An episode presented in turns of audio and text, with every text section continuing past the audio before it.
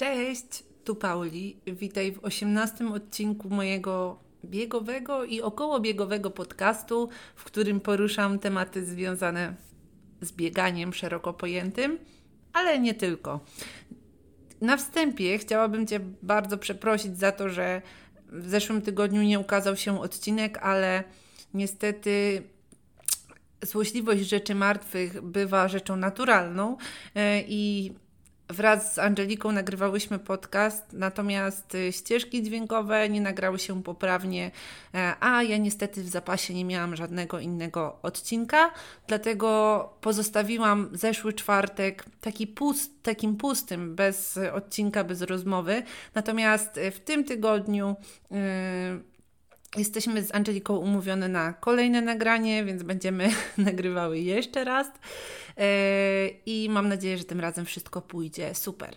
Natomiast dzisiaj chciałabym dać Ci do wysłuchania naszą rozmowę z moją kolejną wspaniałą gościnią, którą jest Marta Sprawka. Marta działa na Instagramie pod nazwą Doktor Spraweczka, e, Doktor Podłoga Spraweczka, to ten, wiecie, yy, myślnik na dole. E, I tam możecie ją znaleźć, i tam Marta udziela się najwięcej. Natomiast dzisiaj z nią rozmawiałam na tematy związane e, z biegami ultra górskimi oraz biegami przeszkodowymi, czyli biegami OCR. Mm, Marta podzieliła się z nami tutaj e, historią swoją, skąd wzięła się jej zajawka na bieganie, jak to się stało, że zaczęła biegać e, i jak to się stało, że zaczęła startować właśnie w tego typu biegach. Mm, także jeżeli jesteście ciekawi, jak to jest zacząć, e, jak to było w przypadku Marty, to serdecznie zapraszam Was do wysłuchania tej rozmowy. Mi z Martą rozmawiało się genialnie i mam nadzieję, że to nie był pierwszy i nie ostatni odcinek. Także zapraszam do odsłuchu.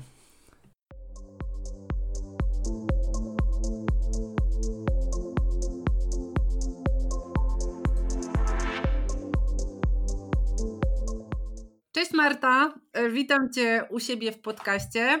Jest mi niezmiernie miło, że przyjęłaś moje zaproszenie. E, dla słuchaczy Marta jest lekarką. Marta działa na Instagramie pod nazwą Doktor Spraweczka i jest dzisiaj moją gościnią w moim podcaście.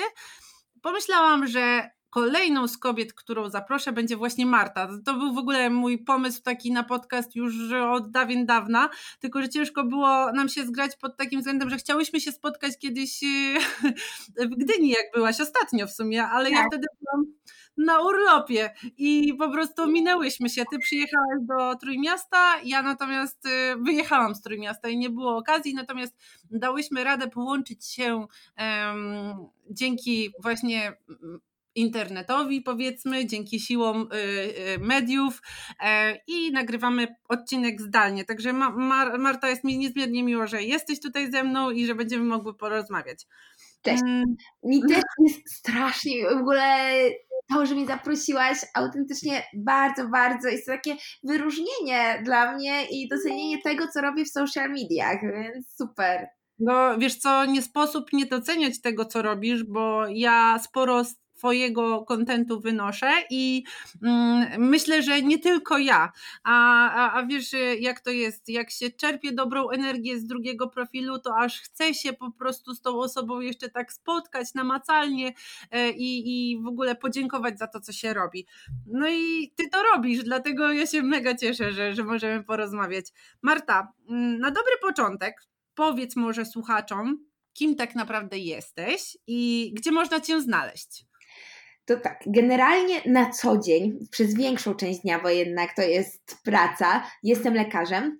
Jestem lekarzem, który kończy w tej chwili staż podyplomowy. U nas po studiach, po 6 latach jest 13 miesięcy stażu podyplomowego, gdzie tak naprawdę mamy już pełne prawo wykonywania zawodu w tej jednostce, w której odbywamy staż, więc jesteśmy już normalnymi lekarzami, no ale to jest ten taki okres buforowy, że jeszcze mamy możliwość wybrania sobie, w którym kierunku idziemy. I ja właśnie kończę ten taki okres buforowy. E, a poza tym, potem, jak kończę już tę pracę, to śmigam na siłownię, bo jestem też trenerem personalnym i trenerem, który ma grupę swoich biegaczy biegaczy przyszkodowych. To jest takie moje malutkie dziecko, które się rozrasta z miesiąca na miesiąc. E, więc e, no, moją drugą pasją jest sport. to zaczęło się od biegania, a rozwinęło właśnie w stronę biegania z przeszkodami. A znaleźć mnie można w tej chwili tak naprawdę głównie na Instagramie, właśnie pod nazwą Doktor Spraweczka, tak jak e, wspomniałaś. Pod tą samą nazwą znajdziecie mnie też na Facebooku i e, znajdziecie też mój blog doktorspraweczka.pl. Na blogu już jest bardziej merytorycznie, tam są długie artykuły, głównie medyczne, a no Instagram i ten Facebook to jest taki bardziej content lifestyle'owy. Rozumiem. No to jesteś w wielu miejscach, więc na pewno y, będzie można Cię sprawnie znaleźć. Ja polecam polecam z całego serca. Ja przepadłam i Martę uwielbiam oglądać, więc e, mam nadzieję, że wy, jeżeli jeszcze tam nie byliście, to e, zakochacie się w Marcie tak jak ja. Po prostu, e, także Marta, mamy sporo Możemy się zawsze rumienić zaraz. Wiesz co, ja się zawsze rumienię, w ogóle jak nagrywam ten podcast, to się strasznie stresuję, ale potem wychodzi z tego sporo fajnych rzeczy. Mm, no i tak naprawdę łączy nas bieganie. Tak. Bo e, ty biegasz, ja biegam, z tym, że y, ty biegasz biegi przeszkodowe głównie. Tak, I teraz biegi przeszkodowe i trochę ultra. Raczej tak, jak jest ciężko, to jest dobrze, to ja tam idę. No, no właśnie, ty jesteś taką e, fajterką wielką, że naprawdę duże wyzwania sobie robisz. Z tego co wiem, przebiegłaś też e, maraton na pustyni, ale o tym na pewno dzisiaj porozmawiamy. To jest takie, wiesz, e, jakby duże osiągnięcie, powiem Ci szczerze. Ja byłam pod wielkim wrażeniem, kiedy dowiedziałam się, że przebiegłaś maraton y, po pustyni i naprawdę wielkie wow. E, natomiast powiedz może, tak na początku, e, jak to było z tym Twoim sportem? Czy od zawsze był ten Twój sport y, w tobie? Czy, czy wcześniej, co się stało, że zaczęłaś uprawiać sport i biegać biegi takie, jakie biegasz aktualnie, czyli te przeszkodowe i ultra?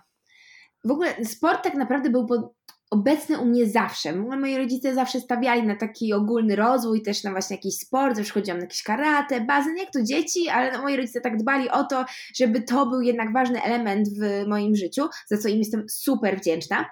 No ale w którymś momencie zaczęłam tak naprawdę grać w kosza, bo wyrosłam w którymś momencie, więc ktoś mi powiedział, no to może koszykówka, e, to było fajne, aczkolwiek nigdy mi nie szło w tę koszykówkę tak, jak bym chciała, żeby mi szło. Bo ja faktycznie chodziłam na tę sekcję, grałam, ale ja jak miałam jakiś lepszy sezon, no to wchodziłam do tego pierwszego składu, ale zasadniczo to grzałam ławkę. Byłam duchem drużyny, oczywiście ja się bardzo angażowałam w to całe życie drużyny w ogóle, ale no to tak naprawdę wyniki robiły te dziewczyny, ja im kibicowałam głównie. I tak też było na studiach. Ja poszłam na studia, dołączyłam do AZS-u. W ogóle trafiłam na no, fantastyczną drużynę, na fantastyczną panią trener, było ekstra. I tak też grałam sobie w tą koszykówkę, znaczy grałam siedząc na ławce głównie, nie oszukujmy się, tak do trzeciego roku. I potem na nasz trening z koszykówki wpadł trener z lekkoatletyki, e, bo jakoś posypał mu się skład na sztafetę, jakoś tak był w ogóle w sytuacji totalnie podbramkowej i szukał jakichś takich wolnych graczy, którymi mógłby wypełnić tą sztafetę.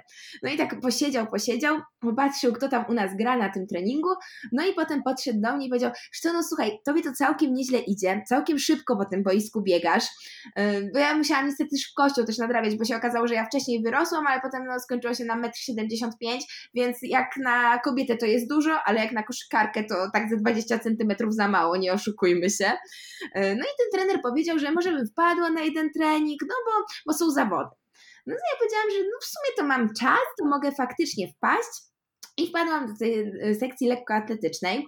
E, okazało się, że, że w ogóle ja totalnie nie powinnam grać przez ostatnie 10 lat w koszykówkę, tylko biegać, bo y, okazało się, że kręcę czasy jak laski, które po prostu trenują. Gdzie ja tam weszłam z marszu, więc się tak zapytałam trenera, no dobra, no to kiedy te zawody? E, zawody się okazało, że są za trzy dni. E, ilość e, czasu, która mi została do przygotowania się była strasznie minimalna. Już chyba nawet mi na psychiczne przygotowanie nie wystarczyło czasu. No ale powiedziałam, dobra, okej, okay, nie ma nikogo, jeszcze te nasze zawody między uczelniami medycznymi, to też był taki poziom, że nie trzeba być super naprawdę sportowcem, takim profesjonalnym, żeby faktycznie wygrywać, więc to jest też takie motywujące dla sportowców amatorów, że faktycznie wyniki są też docenione, bo jak jednak stajemy na starcie z kimś, kto biega od piątego roku życia, no to nie oszukujmy się, nie jest tak łatwo z nim wygrać. E, więc e, ja się wtedy zgodziłam. No i tak przypadłam w sekcję lekkoatletyczną. Do tego stopnia, że rok później powiedziałam trenerce od kosza, że ja w ogóle uwielbiam koszykówkę i uwielbiam ją i całą tą drużynę, ale jednak no dużo większe szanse mam w tej sekcji lekkoatletycznej i że też mam szansę bardziej reprezentować uniwersytet, tam zdobywać faktycznie miejsca, medale, a w tej drużynie z kosza no jednak czuję, że to nie jest wykorzystany mój potencjał sportowy. E, no i z bólem serca tak tą koszykówkę odłożyłam na bok, no i zaczęłam biegać w tej lekkoatletyce. E, I potem zaczęłam powoli gdzieś tam biegać tak na asfalcie. Te, no, faktycznie w sekcji no to byliśmy tylko na stadionie, a ja tam zaczęłam po cichu trochę sobie biegać sama, dłuższe dystanse. Gdzieś tam pobiegłam w ogóle w Lublinie, był jakiś bieg organizowany, gdzie w przeciągu tak naprawdę trzech lat. Trzy lata temu pobiegłam pierwszy raz swój bieg na ulicy, e, więc pobiegłam się okazało, że faktycznie to mi wychodzi, jest ok, fajnie, wskakuję sobie w te kategorie wiekowe na podium, co mnie też już bardzo, bardzo podbudowało, bo stwierdziłam, że jak są wyniki, no to człowiek oczywiście też bardziej prze, do przodu trenuje. No ale jednak e, nie oszukujmy się, biegi asfaltowe są takie, że jak ktoś nie trenuje kilkanaście lat, to w Open ciężko jest doścignąć osoby, które wygrywają Open. Taka jest prawda. I ja jako osoba, która zaczęła biegać w wieku 23 tak naprawdę y, lat, no nie jestem w stanie się mierzyć z dziewczynami, które biegają od 15 lat i tam kręcą na dychę po 35 minut. No to jest dla mnie nieosiągalny w ogóle poziom.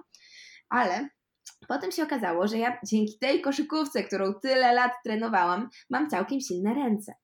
No i na którymś Ranmagedonie y, w ogóle zajęłam jakoś tam, naprawdę weszłam w okolicy pierwszej trójki, e, no ale to było w tych seriach Open i ktoś mi wtedy powiedział, no dobra, ale Marta, tutaj jak chcesz się naprawdę ścigać w tym Ranmagedonie, to są takie serie elit i tam się zaczynasz ścigać, są poważni sędziowie, są poważne podium, są w ogóle nagrody, e, no i tak się zaczęła moja przygoda, bo ja stwierdziłam, dobra, chcę to zrobić, i dwa lata temu pierwszy raz wystartowałam w serii Elite w takim biegu przeszkodowym. Oczywiście myśląc, że jestem świetna, rewelacyjna i w ogóle tak dobrze mi idzie to bieganie, że ja wygram ten bieg.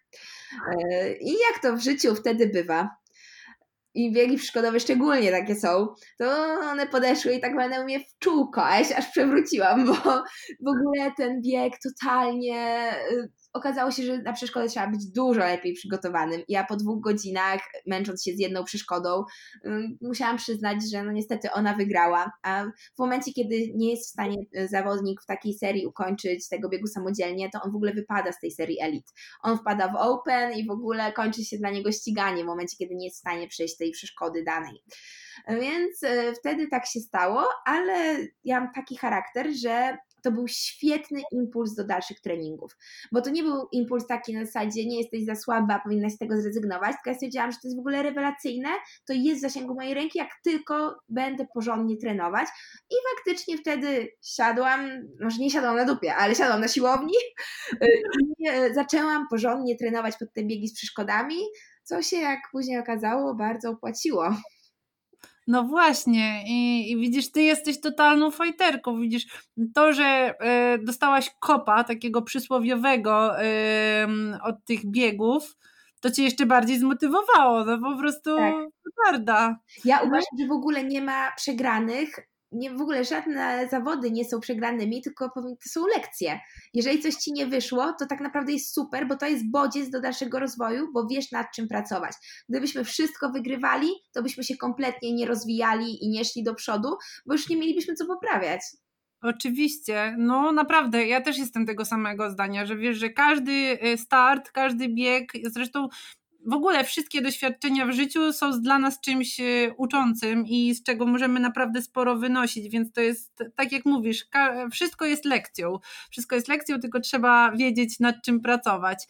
No dobra, no i yy, zaczęłaś biegać te biegi OCR, tak? Bo to się nazywają biegi OCR, um, biegi z przeszkodami i, i, i wylądowałaś w tej kategorii elit, tak? Dokładnie.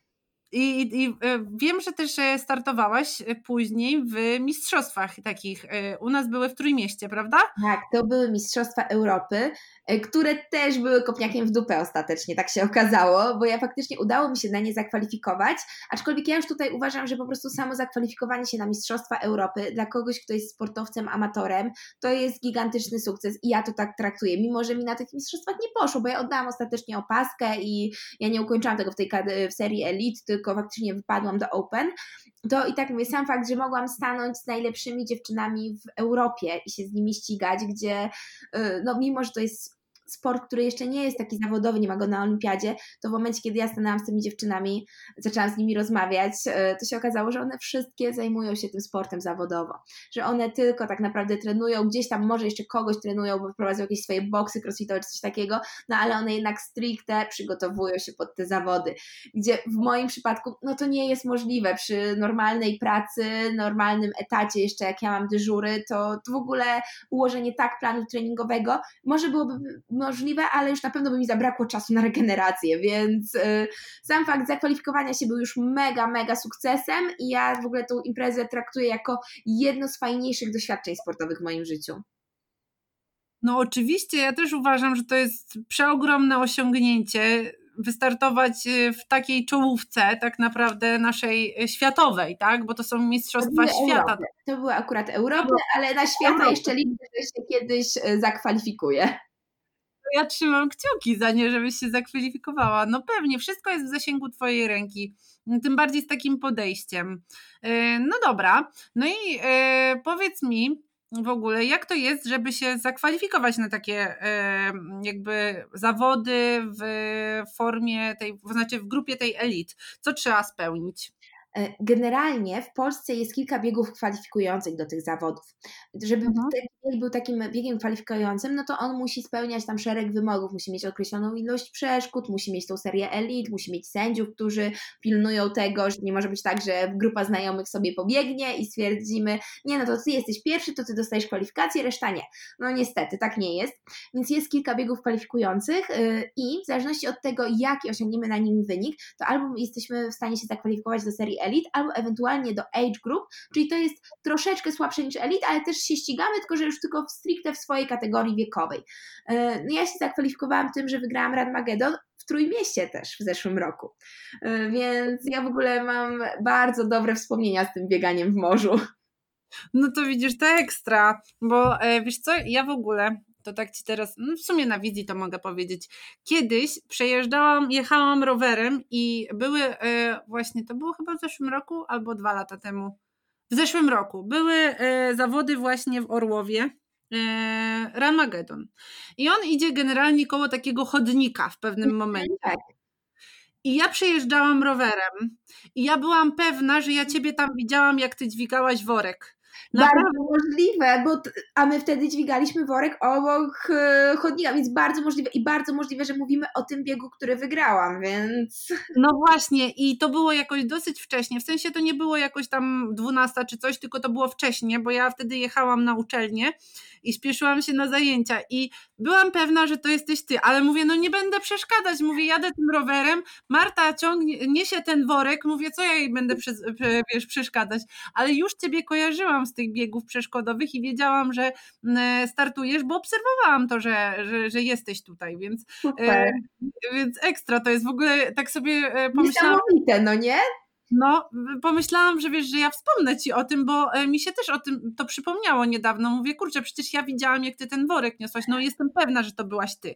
Więc jakby e, to, to też było e, fajne doświadczenie. Wiesz, ja, ja podziwiam tych wszystkich biegaczy właśnie w tych e, biegaczy takich OCR-owców, ponieważ e, no, trzeba być naprawdę mocno sprawnym, żeby takie e, biegi biegać, bo to już nie tylko chodzi o nogę i, o nogi i kondycję, jak, jak jeżeli w ogóle chodzi o bieganie, to chodzi tutaj również o całą sprawność całego ciała, o, to, o silne ręce i tak dalej, chwyt.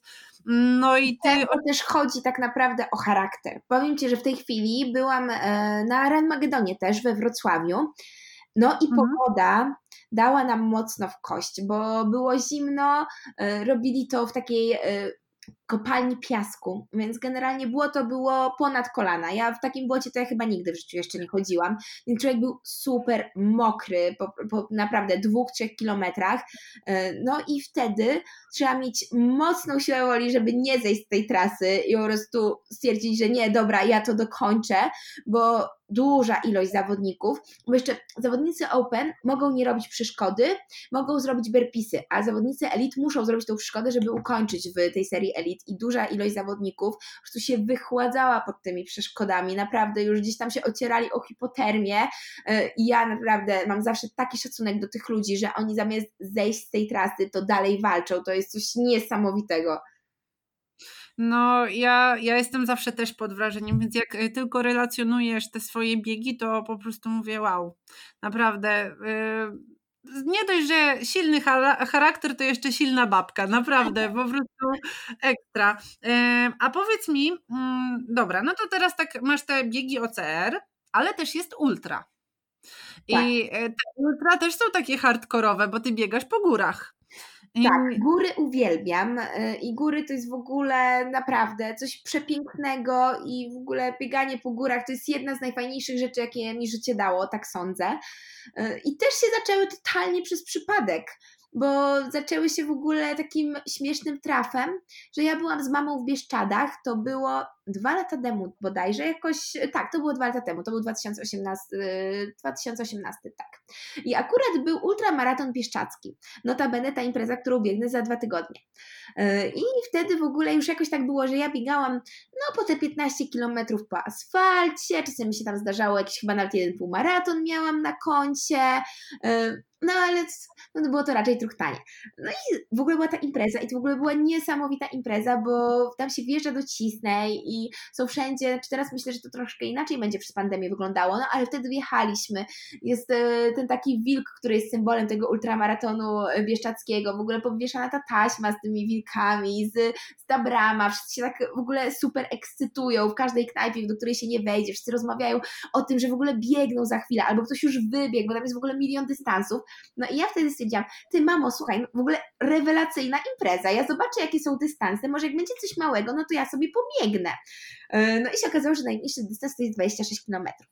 No i ja tak jak laik, kompletnie jak laik, stwierdziłam, nie no, biegam 20, no dobra, raz przebiegłam 20 na asfalcie, no to 26 po górach, więc spoko, no nie, bez problemu. Już wtedy trochę ćwiczyłam pod te biegi e, przeszkodowe, więc jakiś tam crossfit się zdarzał. Stwierdziłam, nie, no to na pewno mam mocne nogi, tam rękami też trzeba pracować, całkiem nieźle mi to idzie. Dobra, zapisuję się. Się okazało, że można się zapisywać jeszcze w dniu zawodu, więc w ogóle super. E, no i ja stwierdziłam, okej okay, mamo, dobra, tam zawieziesz mnie na tą szóstą do tej cisnej, e, żebym sobie tam e, pobiegła. Moja mama, że spoko, w ogóle ekstra. Więc skupiłam ten pakiet. Zaczęło się od tego, że w ogóle zawiozła mnie moja mama na tą. Ja w ogóle byłam kompletnie nieprzygotowana nawet na taką temperaturę, bo to był co prawda październik i było super pięknie, tylko że super pięknie było o 12 po południu. Ale o godzinie 6, jak my w ogóle wsiedliśmy w tą kolejkę, to no nie, nie, nie, kompletnie. W ogóle telepałam się z zimna. Zresztą na moim Instagramie jest w ogóle zapisana relacja cała z tego biegu, że ja wtedy w ogóle się wybierałam w te Bieszczady. Ja miałam zamiar w ogóle biegać już po tych Bieszczadach, więc jakieś tam rzeczy na szczęście do biegania w ogóle takie wszystkie to miałam, tylko że stricte ta sama impreza była taka tak trochę spontanna. No ale dobra, pobiegłam. No i przez pierwsze dwa kilometry szło mi świetnie, bo to było na płaskim po asfalcie. Rewelacyjnie, słuchajcie. Y, tylko, że potem po dwóch kilometrach był pierwszy podbieg. No i wtedy to, to, to się okazało, że jednak bieganie po górach to jest kompletnie inna bajka. Weszłam na ten podbieg y, podbieg, podchodzenie, podejście, nie można było nazwać tego podbiegiem w moim przypadku, absolutnie, więc y, zrobiłam to podejście. Na górze to miałam ze 4 km, może 5 i powiem Wam, że byłam już mocną tyrana. Tak mocno, ale stwierdziłam, nie, spoko, nie jest tak źle, rozkręcę się. Po 20 kilometrach umierałam, to było już na jakiejś trzeciej górze, yy, umierałam, oparłam się panu z punktu kontrolnego, który rozdawał wiśniówkę Naprawdę, a wymagało ode mnie silnej woli, żeby tej wiśniówki nie wziąć. Yy, oparłam się, ale stwierdziłam, to było wtedy, już mi zostało chyba tak ze 3,5 do 4 kilometrów w dół. Już stwierdziłam, dobra, ostatnia góra, to już szybko zbiegnę, to już szybko będzie po bólu. I wtedy w ogóle okazała się magia, bo ludzie zaczęli wchodzić na ten szlak powoli, żeby kibicować i zaczęli mówić, że w ogóle przede mną było jakieś, nie wiem, 6 czy 7 kobiet i że w ogóle jestem w jakiejś czołówce open, więc mnie to oczywiście jako osobę, która ma jakieś zdolności do takiej skłonności do rywalizacji, ona jest czasem wręcz niezdrowa, to jeszcze bardziej podbudowało, więc ja zaczęłam w ogóle super szybko biec. Dobiegłam do tej mety ale umarłam. Wtedy ja do dzisiaj pamiętam, że ja po prostu jak usiadłam za tą metą, to ja przez godzinę nie byłam w stanie wstać. Moja mama to po prostu mi przyniosła jedzenie i powiedziała, dobrze, to my poczekamy tutaj dwie godziny albo trzy, ile będziesz potrzebowała. Y, I ostatecznie, faktycznie, tam zajęłam chyba ósme czy dziewiąte miejsce Open, weszłam na drugie miejsce w kategorii wiekowej. Y, no i wtedy stwierdziłam, że to może to jest fajny kierunek. Ale jeszcze wtedy mnie bardzo bolało bieganie po górach. Zakwasy to miałam takie, raz w życiu miałam takie zakwasy, to właśnie po, tej, po tych 26 kilometrach, że nie mogłam, słuchajcie, na kiblu usiąść. Że jak siadałam, to już te czwórki nie były mi w stanie utrzymać od ciężaru ciała, musiałam używać rąk, a jak w restauracji szukałam toalety, to takiej dla niepełnosprawnych, żeby były takie, y, takie y, te poręcze, żeby się można było na nich oprzeć. Napra- jak do dzisiaj to wspominam, to autentycznie w ogóle y, no, załatwił mnie totalnie ten ultra bieszczacki. No, ale potem już było lepiej. Jak już zaczęłam faktycznie trenować i trenować trochę dłuższe dystanse, to już potem było lepiej. No a w ogóle skąd pomysł na maraton y, po Saharze? E, to tak? było Wadi Ram w Jordanii, ale też pustynia, a, więc... E, ale tak, no właśnie, przepraszam, pustynia, dobrze mówisz, w Jordanii to było rzeczywiście. Totalny tak. przypadek, kolejny w moim życiu, w ogóle w moim życiu e, biegowym to jest przypadek, goni przypadek, bo ja mam w ogóle rodzinę w Jordanii, bo siostra mojego taty do Jordanii wyleciała, bo poznała na studiach męża Jordańczyka, jej przyszłego męża, no i tam w ogóle osiadła ze swoimi córkami i my tak co jakiś czas do nich sobie robiliśmy wycieczki. Akurat ja robiłam e, półtora roku temu. Jedna z moich sióstr ciotecznych po prostu brała ślub, więc my pojechaliśmy na ten ślub. No i przy okazji zrobiliśmy sobie zwiedzanie tej pustyni Wadi Ram, bo to jest w ogóle przepiękne miejsce mhm. i totalny must have e, przy wycieczce do Jordanii, bo to jest w ogóle ten piasek, on jest czerwony e, i tam w ogóle kręcono Marsjanina i w ogóle widoki są no jedno z piękniejszych miejsc, jakie widziałam w ogóle na świecie. No i właśnie jechaliśmy w ogóle, podziwialiśmy tą pustynię, no i ja z tym przewodnikiem zaczęłam rozmawiać, bo ja zazwyczaj tak gdzieś, jak gdzieś jestem, to z kimś rozmawiam, tak się kończy. I zeszło na to, że ja biegam, a on, a bo tutaj słuchaj taki fajny bieg, a ja mówię, że no dobra, jaki fajny bieg. No bo startuje się przy pełni księżyca i to jest w ogóle ekstra, bo jest tak jasno, że w ogóle praktycznie no, są czołówki jako wyposażenie obowiązkowe, ale jest tak jasno, że wszystko widać i że jest to w ogóle niesamowite, że się w nocy biegnie i w ogóle.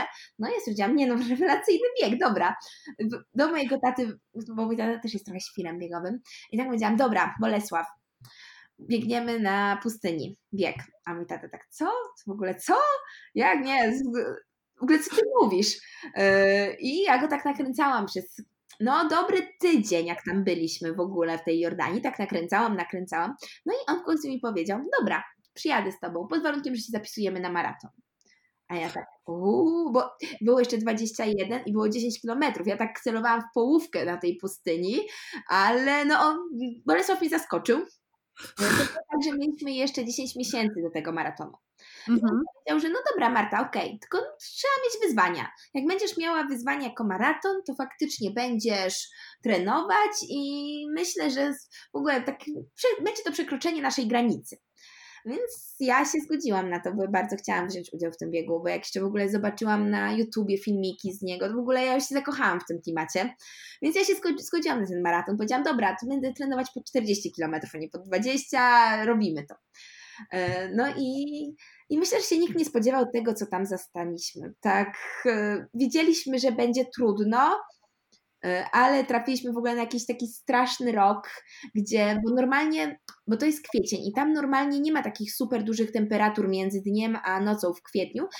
W dzień jest tak 20 parę, a w nocy koło 10, więc my się generalnie przygotowaliśmy tak na 10 stopni, Wiedzieliśmy, że będzie ciężko, ćwiczyliśmy te nogi, no bo to piasek, to po piasku się inaczej biega. Pojechaliśmy w ogóle na Hel miesiąc wcześniej, żeby sobie przebiec po piasku tam właśnie 30 km, żeby sprawdzić jak to jest. No, generalnie nie było łatwo, ale zrobiliśmy to, więc byliśmy dobrej myśli.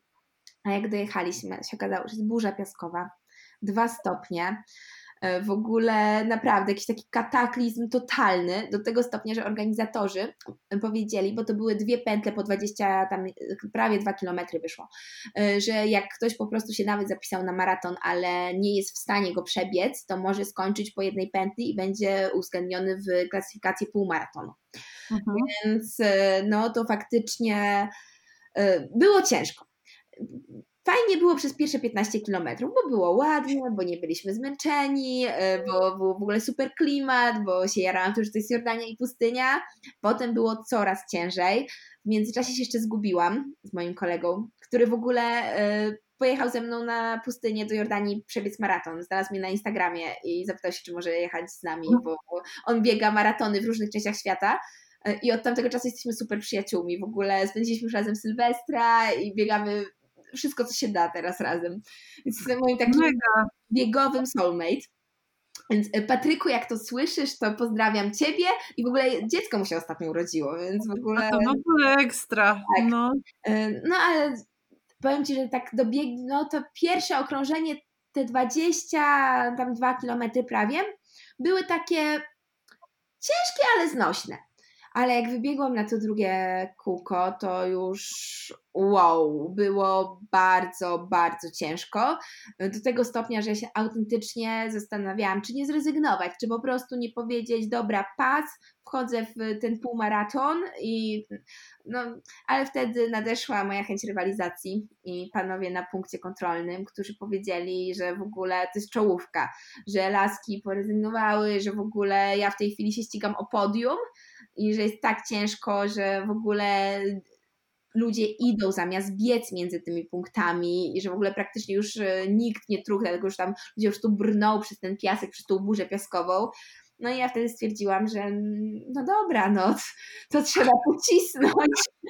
E, I pocisnęłam i e, no do tego stopnia, że na ostatnim odcinku, bo ostatnie półtora kilometra to było tak w miarę utwardzone, w miarę płaskie e, i tam ci, którzy biegali na asfalcie, to mieli dużą przewagę, że tam faktycznie jeszcze się już, no sama głowa, już się odpaliłam i no dobiegłam jako pierwsza kobieta, ale tak jak mówię, tam nie wygrywały silne nogi, tam wygrywały silne głowy, naprawdę. Trzeba tam było mieć zdecydowanie silną głowę. Bieny, ja Ci gratuluję z całego serca. Naprawdę. Do, ja jestem pod ogromnym wrażeniem. Nie wiem, nie wiem, co mam powiedzieć. Powiem Ci szczerze, że e, w ogóle opowiadasz z takimi emocjami, które je, przenosisz też na mnie, że, że że to rzeczywiście naprawdę miało miejsce i to jest fantastyczne. Także gratulacje. W ogóle tatę masz e, rewelacyjnego, że ci tak e, zarzucił ci takim. Teraz za dwa tygodnie, za dwa, półtora tygodnia tak naprawdę, biegniemy ten ultramaraton bieszczacki. Wracam na niego, tylko że wracamy na dystans 52 kilometrów. No właśnie, to będzie w ogóle wyzwanie. A ile, ile masz przewyższeń na tym ultramaratonie? Ponad 3000 metrów. Ponad 3000, no to Szacun, szacun znaczy, naprawdę. Szacun może być, jak to skończy, zobaczymy. Nie, bo generalnie z ultra jest tak, że można nie skończyć, po prostu. To jest mhm. na dwoje babka wróżyła i to już są takie biegi, do których trzeba mieć bardzo dużą pokorę. Tym bardziej, mhm. że limity czasowe są mocno obwarowane. E, mhm. Nie wiem, czy to jest kwestia tego, czy, że organizator to jest ten sam organizator, co bieg rzeźnika, bo to jest ten sam organizator, tylko rzeźnik jest w czerwcu, a ultra bieszczacki właśnie w październiku.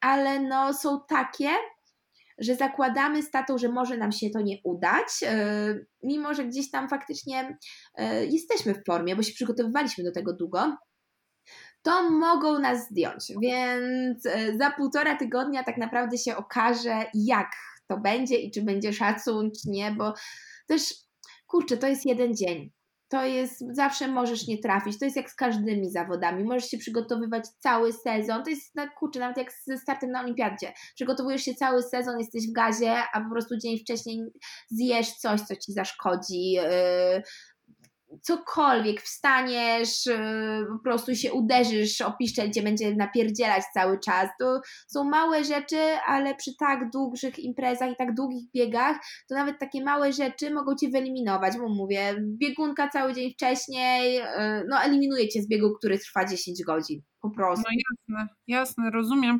A jaki jest limit e, na, na te 52 kilometry.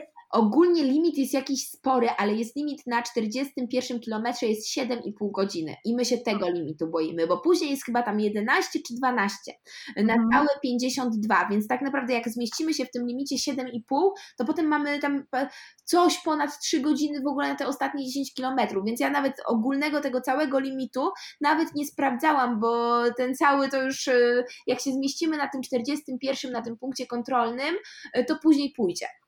Tylko tak. jak mówię, na 41 jest pierwszy punkt kontrolny i tam jest 7,5 godziny. I tu jest ten taki moment newralgiczny, y, na którym może nie pyknąć. No, no może.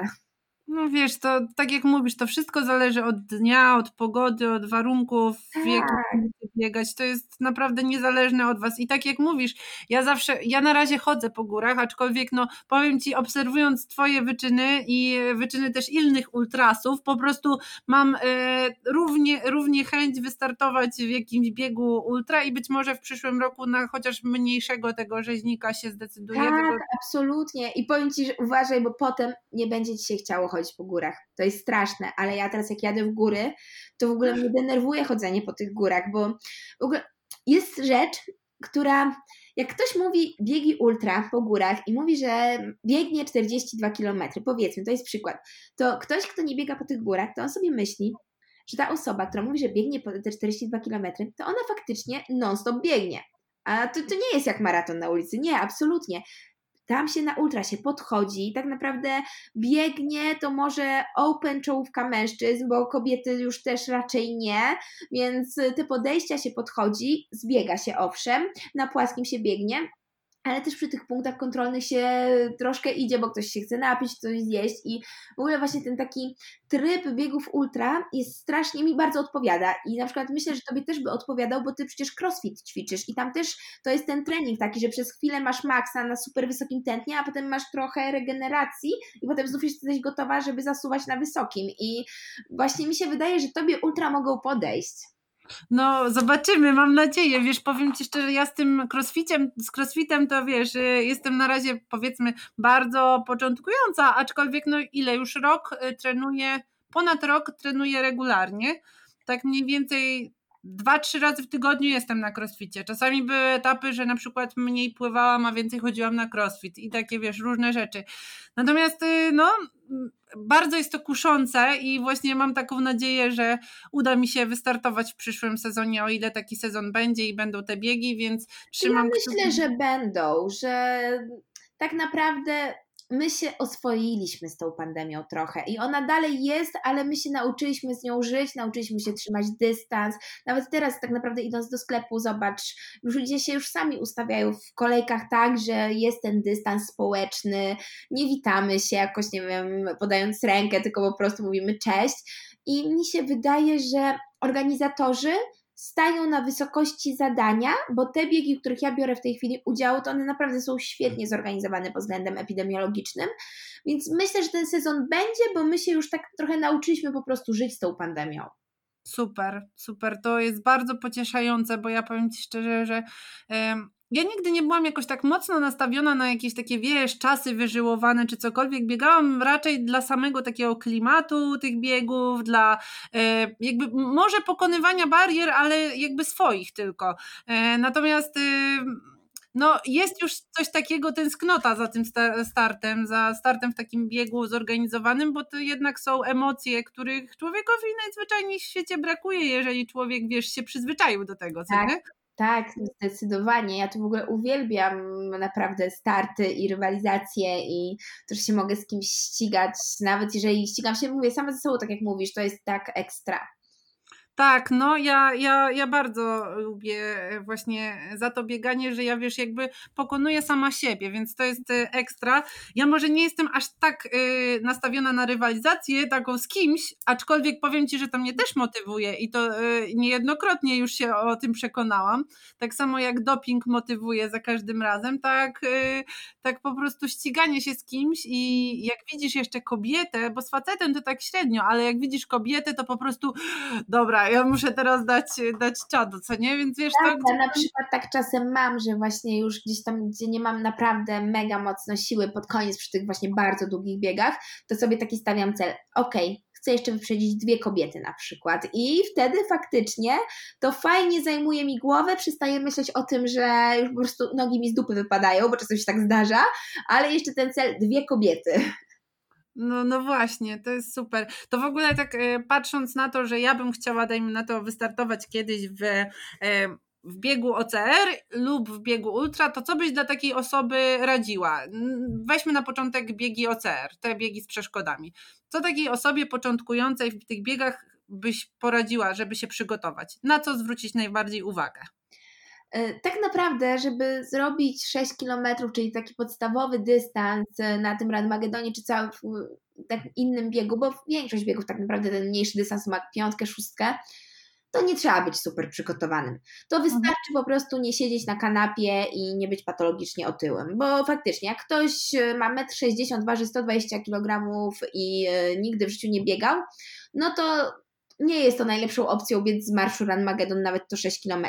Ale jak osoba jest w miarę aktywna fizycznie, i to nie mówię tak jak ty, bo ty jesteś super aktywna fizycznie i ty byś sobie na pewno poradziła i z dwunastką i myślę, żebyś mogła nawet o 20 zahaczać, ale mówię o tak przeciętnie aktywnej osobie fizycznej, czyli jakiś tam kartent na siłownię, dwa razy w tygodniu fitness yy, i powiedzmy raz w tygodniu jakieś, nie wiem, truchtanie, rower, cokolwiek takiego, yy, to 6 kilometrów jest naprawdę dystansem bardzo fajnym.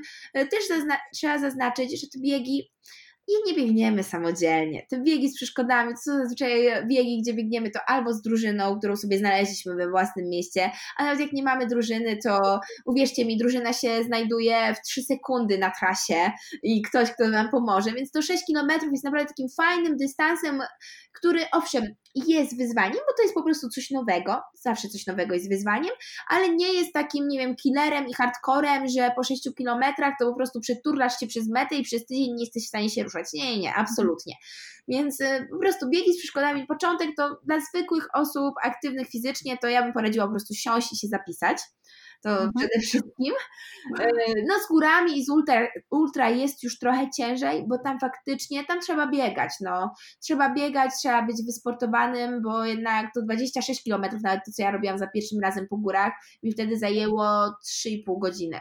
To jest 3,5 godziny non-stop sportu. Więc e, to już nie jest takie super proste. E, więc tutaj już trzeba trochę jednak więcej się przygotować, ale no da się to zrobić, da się to zrobić i e, jakbyście chcieli, o w ogóle biegach ultra mam całego live'a na Instagramie i tam w ogóle rozmawiamy tak, rozbijamy na czynniki pierwsze, mniej więcej jak trenować, na czym się skupić, jak się w ogóle spakować, więc tam jest cała godzina na ten temat. Super, to ja na pewno podlinkuję Twój profil u siebie tam e, w podcaście, więc e, szukajcie, bo ja oglądałam tego live'a. E, co prawda następnego dnia po live'ie, ale oglądałam i powiem Ci, że dużo z tego live'a można wynieść. Tak samo jak z reszty. Które... konkretny. To jest jeden z tych takich live'ów, gdzie faktycznie przez tą godzinę jest taka konkretna wiedza, że jak chcesz robić to, to masz robić to, to i to. Ja lubię właśnie konkretne live'y, z których coś wynika. No oczywiście, tak, to jest, to, to jest super czerpać wiedzę od kogoś i fajnie, że się tym dzielisz, że znajdujesz też takie doświadczone osoby, z którymi możesz też o tym porozmawiać, e, więc e, no u, u Marty możecie znaleźć mnóstwo cennych informacji. E, no i dobra, to jeżeli mielibyśmy się na przykład jeszcze skupić na tobie, to Marto, może tak zdradzisz, jakie masz największe takie swoje sportowe marzenie?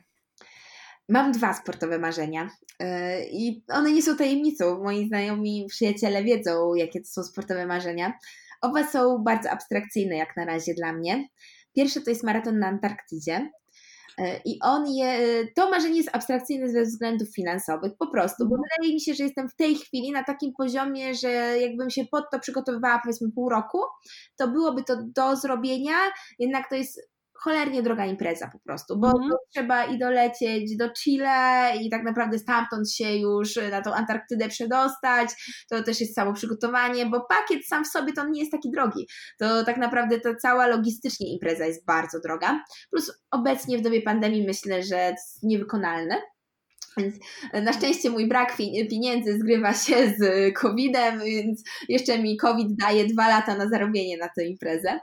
E, więc taki właśnie mam plan, że chciałabym tak 2022-2023 ugryźć to marzenie.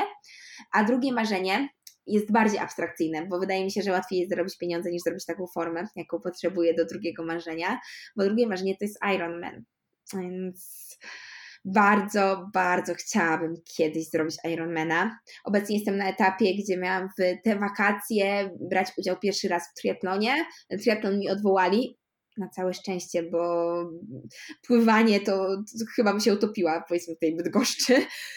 Więc los mi dał drugą szansę, żeby porządnie podejść do tego Ironmana, bo się zapisałam na jedną czwartą teraz w Bydgoszczy. E, więc w 2021 robię tą jedną czwartą, e, faktycznie teraz będę śmigać na basen. Mam to szczęście, że się teraz w ogóle przeprowadziłam, czy teraz już jakiś czas temu, kilka miesięcy temu, ale w ogóle obok basenu, mam przez ulicę basen. Ekstra. Tak, więc mam zamiar e, nauczyć się pływać szybko, bo ja generalnie pływam, to nie jest tak, że ja się topię. Ja pływam, tylko że to moje tempo, tempo pływania jest dalekie od satysfakcjonującego tempa, więc tutaj czeka mnie mnóstwo pracy, nie wiem jak długo, nie wiem jak długo się trzeba przygotować do Ironmana, jest dla mnie abstrakcja w ogóle. Zobaczę pewnie na tym jednej czwartej w przyszłym roku, jak daleko jestem, no ale to jest moje takie mocne marzenie. Tak. To wiesz co, ja te marzenie twoje drugie to podzielam, w sensie, bo to jest jedno z moich marzeń też.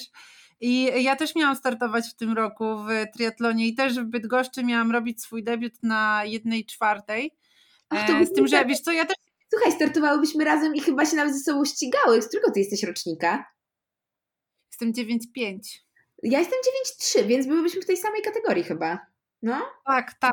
No, byłybyśmy w tej samej kategorii i powiem Ci tak, yy, dla mnie ten triatlon to jest w ogóle według mnie to jest coś dla mnie, w sensie ja po prostu czuję to yy, i ja zawsze lubiłam pływać, zawsze lubiłam jeździć na, jeździć na rowerze, z tym, że biegać też już polubiłam i w ogóle nie wyobrażam sobie bez tego życia, natomiast miłość do biegania zrodziła się jakby najpóźniej, bo powiem Ci szczerze, że jak byłam dzieckiem, no to zawsze nad jeziorem, to wiesz, pierwsza do wody, e, na rowerze, pierwszy rower, to po prostu mogłam, wiesz, dajcie rower dziecku, a dziecka nie ma na cały dzień, e, natomiast te bieganie zrodziło się już do, dosyć później, ale jest jak, jakby najbardziej intensywnie uprawiane u mnie w tym momencie, natomiast Natomiast no, ten triatlon to, to jest taka moja zajawka, którą gdzieś podpatrzyłam y, wcześniej u innych i stwierdziłam, że ja też chcę tego zaznać.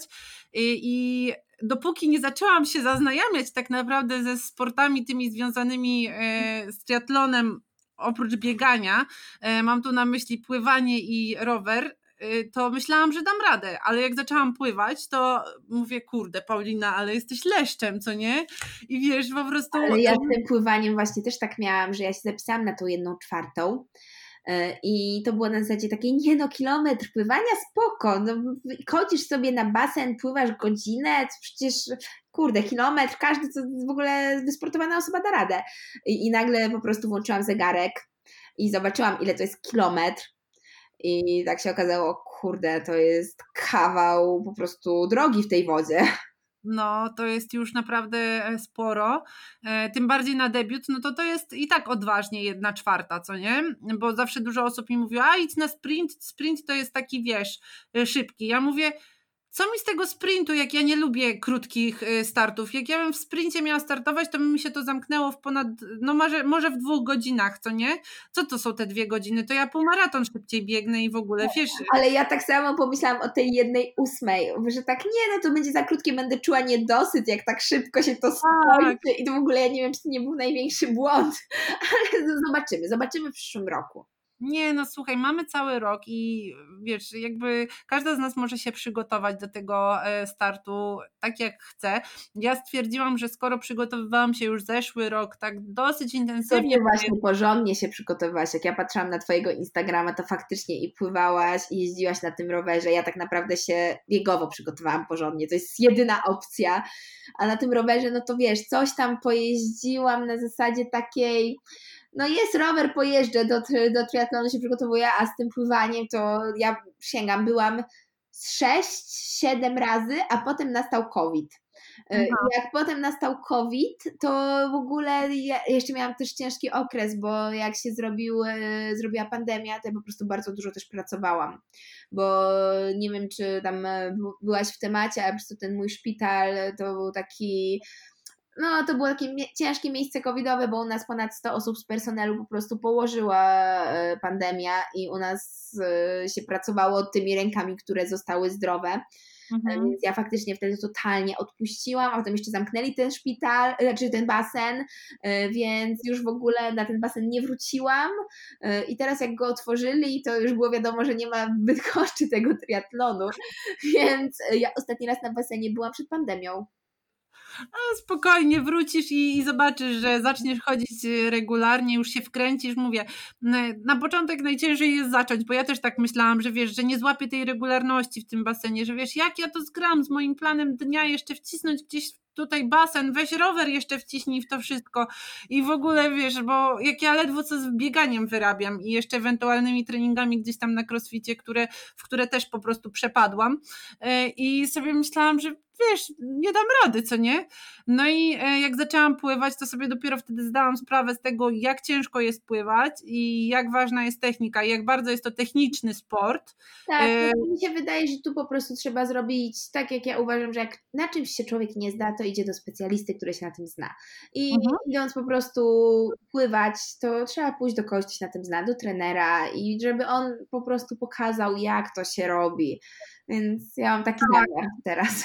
Tak, ja jestem tego samego zdania. Powiem Ci Marta, ja jak e, miałam ten epizod, kiedy szłam na studia na fizjoterapię, to e, musiałam się nauczyć pływać, w sensie musiałam się nauczyć pływać. Musiałam zdać egzamin e, sprawnościowy, a egzamin sprawnościowy polegał na przepłynięciu 50 metrów i był jakiś tam limit czasowy. I słuchaj, ja pływałam, chodziłam na basen, przygotowywałam się na ten, na ten egzamin, żeby po prostu zmieścić się w tym limicie. Najważniejsze było, żeby zmieścić się w tym limicie, bo inaczej to bym się nie dostała bez tego, co nie? No i ja pływałam nietechnicznie, kompletnie nietechnicznie, wiesz, po prostu y, pływałam tak, jak umiałam. Natomiast y, jak zaczęłam chodzić już na studia, to jest największa wartość, którą wyniosłam z tych studiów przez, przez ten mój rok studiowania. Mieliśmy przez cały rok y, basen. I ten basen był tłuczony non-stop. I my, wiesz, w tej wodzie pływaliśmy e, bardzo dużo, bardzo dużo i mieliśmy właśnie pół roku prawie e, doskonalenia nauki, doskonalenie pływanie, pływania kraulem. Ja się na studiach nauczyłam pływać kraulem poprawnie i nagle przyszło mnie takie olśnienie, że wiesz, kurczę, przecież ja się nie męczę w tej wodzie tak jak się męczyłam, co nie? I, i to było takie fascynujące, że wiesz, że poznając tą technikę i jakby mm, praktykując e, to pływanie, naprawdę zaczynałam czuć różnicę pomiędzy tym, jak pływałam przed e, pójściem na studia, a tym, jak pływałam po studiach. I e, to było super, więc ja polecam każdemu. Ja nigdy w życiu nie pomyślałabym, że ja się nauczę nawrotu koziołkowego, że ja skoczę ze słupka, E, wiesz, po prostu nie, jakby mi ktoś to powiedział, nie wiem, z kilka lat wcześniej, to ja bym chyba kogoś popukała w głowę, powiedziała, jasne, ja to zrobię, co nie? Więc, y, więc kwestia taka, żeby po prostu spróbować i pójść rzeczywiście do osób, które y, potrafią i po prostu praktykować to i uczyć się tego. Dokładnie. No wszystkiego idzie się nauczyć. Po prostu trzeba chcieć i pójść do osób kompetentnych, które nam w tym pomogą, bo jakby samemu można byłoby się uczyć pływania. Ale nie dużo więcej czasu niż na Oczywiście. Oczywiście i ty też byś nie widziała swoich błędów, bo jak ty mhm. możesz siebie obserwować? Musiałby cię ktoś kamerować, żebyś widziała generalnie w czym tkwi problem. Ale, Dokładnie. Ale bardzo fajnie jest iść właśnie do osób takie, które e, no po prostu się znają na rzeczy, więc ja polecam i ja osobiście jeszcze w tym roku się e, mam zamiar zapisać gdzieś jeszcze na pływanie takie w grupie właśnie z trenerem, żeby po prostu e, żeby po prostu doskonalić to, bo ja czuję, że jestem na przykład wolna i chciałabym e, poprawić, bo technicznie może już gdzieś tam ciągnę ten łokieć i tak dalej, natomiast no chciałabym troszeczkę przyspieszyć, więc y, do tego też potrzebuję odpowiedniego treningu i uważam, że e, warto jest właśnie pójść do, do, na takie zajęcia, więc to będzie super doświadczenie Marta, więc zobaczymy się na pewno w lipcu. W tak, super, ale jaram się, powiem Ci, że się bardzo cieszę, że tak, mm. tak się zgadałyśmy. No, ja też się mega cieszę z tym, że ja właśnie dzięki temu, że przygotowywałam się powiedzmy w zeszłym roku, to stwierdziłam, że że wystartuję w następnym roku w dłuższym dystansie. O nie, jeszcze ty wystartujesz w połówce. No właśnie jeszcze się zastanawiam, bo jeszcze dogaduję to z organizatorami i ze, ze sobą, bo chciałabym wystartować w jednej czwartej z jednej strony na początek, żeby um, sprawdzić się na tym, jak to wygląda, wiesz, bo to jest me mega skomplikowane, żeby przejść z jednej strefy w drugą. Tak, tak. Ja właśnie też robiłam live'a z osobami triatlonowymi i w ogóle jak one o tym opowiadały, to tak jestem trochę przerażona tym, ale to na pewno coś do ogarnięcia, przecież to ludzie ogarniają, więc to jest do ogarnięcia. No oczywiście, Marta, my nie damy rady, przestań, przestań, damy radę, będziemy relacjonować na pewno jak się przygotowujemy, ja będę trzymała kciuki za ciebie, ty za mnie. Dokładnie. i ja w ogóle, wiesz, kibicuję tobie, żebyś zrealizowała swoje wielkie marzenia, które są do zrealizowania, tylko tak jak mówisz, czasami potrzeba nie tylko chęci, ale też właśnie i zaplecza finansowego, żeby to wszystko udźwignąć, bo nawet y, no, ten bieg na Antarktydzie, tak? Plus jeszcze triatlon to jednak są dyscypliny takie sportowe, w których nakład finansowy jest jednak ważny, tak, bo żeby. Tak, oczywiście. Nie wszystkie, tu nie pobiegniesz w samych butach, wiesz, to, to jest tak. jakby to po prostu, no, sport, generalnie sport to jest drogie hobby. Ja w ogóle, nawet zwykłe bieganie na asfalcie jest tak naprawdę drogie, bo w momencie, kiedy stwierdzimy, że potrzebujemy sensownych butów, no bo nie oszukujmy się, jak biegamy 3-4 razy w tygodniu, to jednak potrzebujemy sensownych butów, które nam się nie rozlecą po 10 kilometrach i będą miały na tyle w miarę amortyzacji, że nam te kolana nie wypadną po prostu. Yy, więc sam bieg, nawet pojechania ten bieg, nocleg i w ogóle ktoś tak mówi, że to nie kosztuje, a jednak troszkę trzeba ten budżet spinać i dopinać, żeby to się zgadzało. No oczywiście, że tak. To wcale nie jest tanie, tanie, tanie mieć takie hobby sportowe. W każdym sporcie jest, jest, są, jest, są potrzebne pieniądze na to, żeby, mm, żeby jakby zainwestować w to swoje zdrowe tak. bieganie, zdrowe jakby funkcjonowanie w tym sporcie, bo e, no jednak w trampkach nie pobiegniesz, wiesz, to nie jest to nie jest wcale nic zdrowego, więc to, to naprawdę trzeba mieć y, to na uwadze po prostu. No i teraz tak jeszcze może na zakończenie, Marta, e, powiedz tak wszystkim, co dało ci uprawianie sportu i co dało ci bieganie. To takie, taka twoja refleksja. Największa wartość z tego. Nie wiem, czy jestem w stanie wybrać największą wartość, bo tak naprawdę sport ukształtował wszystko, co mam w tej chwili wszystko, bo począwszy od organizacji takiego dnia, po prostu mojego dnia na co dzień, miałam słowa maślane, no po prostu organizacji dnia, którą mam, y, przez y, fantastycznych przyjaciół, bo ja mam w tej chwili już przyjaciół głównie sportowych, gdzieś tam przez drużynę biegową, z którą spędzam naprawdę wszystkie ważne chwile w moim życiu, po partnera, z którym jestem, bo ja mojego Mikołaja poznałam na siłowni, on przyszedł do mnie na zajęcia przeszkodowe właśnie, y, no i obecnie mieszkamy ze sobą, planując całe życie, więc y, mi sport dał wszystko, wszystko, plus y, to, że idę na ortopedię, to dał mi sport, bo ja gdybym nie ćwiczyła, ja nie byłabym w stanie fizycznie udźwignąć tej specjalizacji. To nie ma takiej opcji, bo to jest po prostu ciężka fizyczna praca i jeżeli ktoś mówi, że można, owszem, można, kobiety też mogą, ale trzeba mieć tego bicka, bo w momencie, kiedy ja idę na blok operacyjny i przez dwie godziny, powiedzmy, trzymam kończynę dolną, która waży ze 40 kg, bo jak ktoś ma, jest otyły i waży ponad stówkę, to ta jego noga to może ważyć 40 kilo, e, to bez treningu to ja bym chyba po 20 minutach tam albo się przewróciła pod nogą, albo zemdlała razem z nią, e, więc mi sport dał wszystko. Życie, w którym w tej chwili prowadzę, tak naprawdę nie istniałoby bez sportu dla mnie. No to jest piękne. Myślę, że to jest taka super klamra do tego, żeby e, też zachęcić innych do uprawiania aktywności fizycznej, znalezienia swojej pasji, swojego hobby, bo jak widać, e, kształtuje nas to, to uprawianie sportu. Bo ja też również uważam, że ja bez y, biegania, bez mojej jakiejkolwiek przeszłości sportowej nie byłabym tym człowiekiem, którym jestem w tym momencie i bardzo się cieszę, że pozwoliłam sobie na to, żeby odkryć tą pasję w sobie i móc ją realizować. Więc to jest naprawdę coś wspaniałego, dlatego my z Martą zachęcamy Was y, do szukania swojej pasji, mm, do próbowania różnych rzeczy, y, i tych takich hardkorowych, i tych łagodniejszych. Może lepiej zaczynajcie od tych łagodniejszych. Na hardkorowe przyjdzie czas. Tak, dokładnie, że to wszystko, na wszystko przychodzi czas.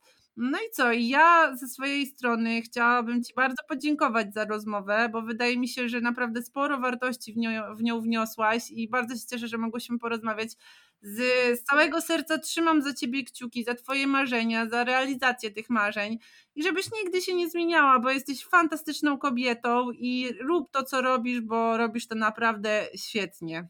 Dziękuję Ci bardzo i ja trzymam za Ciebie też kciuki. I do zobaczenia, mam nadzieję, że wcześniej, a jak nie, to w Bydgoszczy na triatlonie. Wiesz co, ja myślę, że na pewno wcześniej się zgramy, bo ja już czuję z Tobą takie flow, że, że nie ma innej opcji.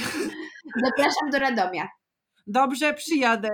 Wszyscy to słyszą. Przyjadę do Radomia, słuchajcie. Jeszcze raz, Marta, dziękuję Ci bardzo i, i w takim razie mam nadzieję, że usłyszymy się jeszcze nie raz i zobaczymy nie raz. Super, do usłyszenia i do zobaczenia. Do zobaczenia. Jestem ciekawa, jak Wasze wrażenia po odsłuchaniu naszej rozmowy. Powiem Wam szczerze, że mnie moc, mocno rozentuzjowała ta rozmowa. Marta daje od siebie tyle energii, że po prostu e, nie sposób e, tym się nie zarazić. Pozytywnym oczywiście tego słowa znaczeniu. Martę możecie znaleźć, tak jak wcześniej wspominałyśmy, na Instagramie, na blogu. Ja wszystko oczywiście podlinkuję w opisie do podcastu. Mm, no i ciekawa jestem, jak Wasze wrażenia. Czy nabraliście może chęci do e, spróbowania swoich sił w tego typu biegach, e, czy może już jesteście doświadczeni? Może startowaliście w Renmagedonie, czy innych biegach mm, OCR, może też już jesteście po biegach biegach ultra. Oczywiście będzie, mi niezmiernie miło, jeżeli dacie mi znać w wiadomościach, w komentarzach. No i jeżeli uważacie, że podcast był przyjemny do odsłuchu, że można z niego coś wynieść, to będzie mi oczywiście niezmiernie miło, jeżeli podzielicie się tym na swoich mediach społecznościowych, tak żeby podcast po prostu trafiał do większej ilości osób. Ja ze swojej strony bardzo Ci dziękuję za poświęcony czas i mam nadzieję, że słyszymy się w kolejny czwartek. Do usłyszenia. Pa!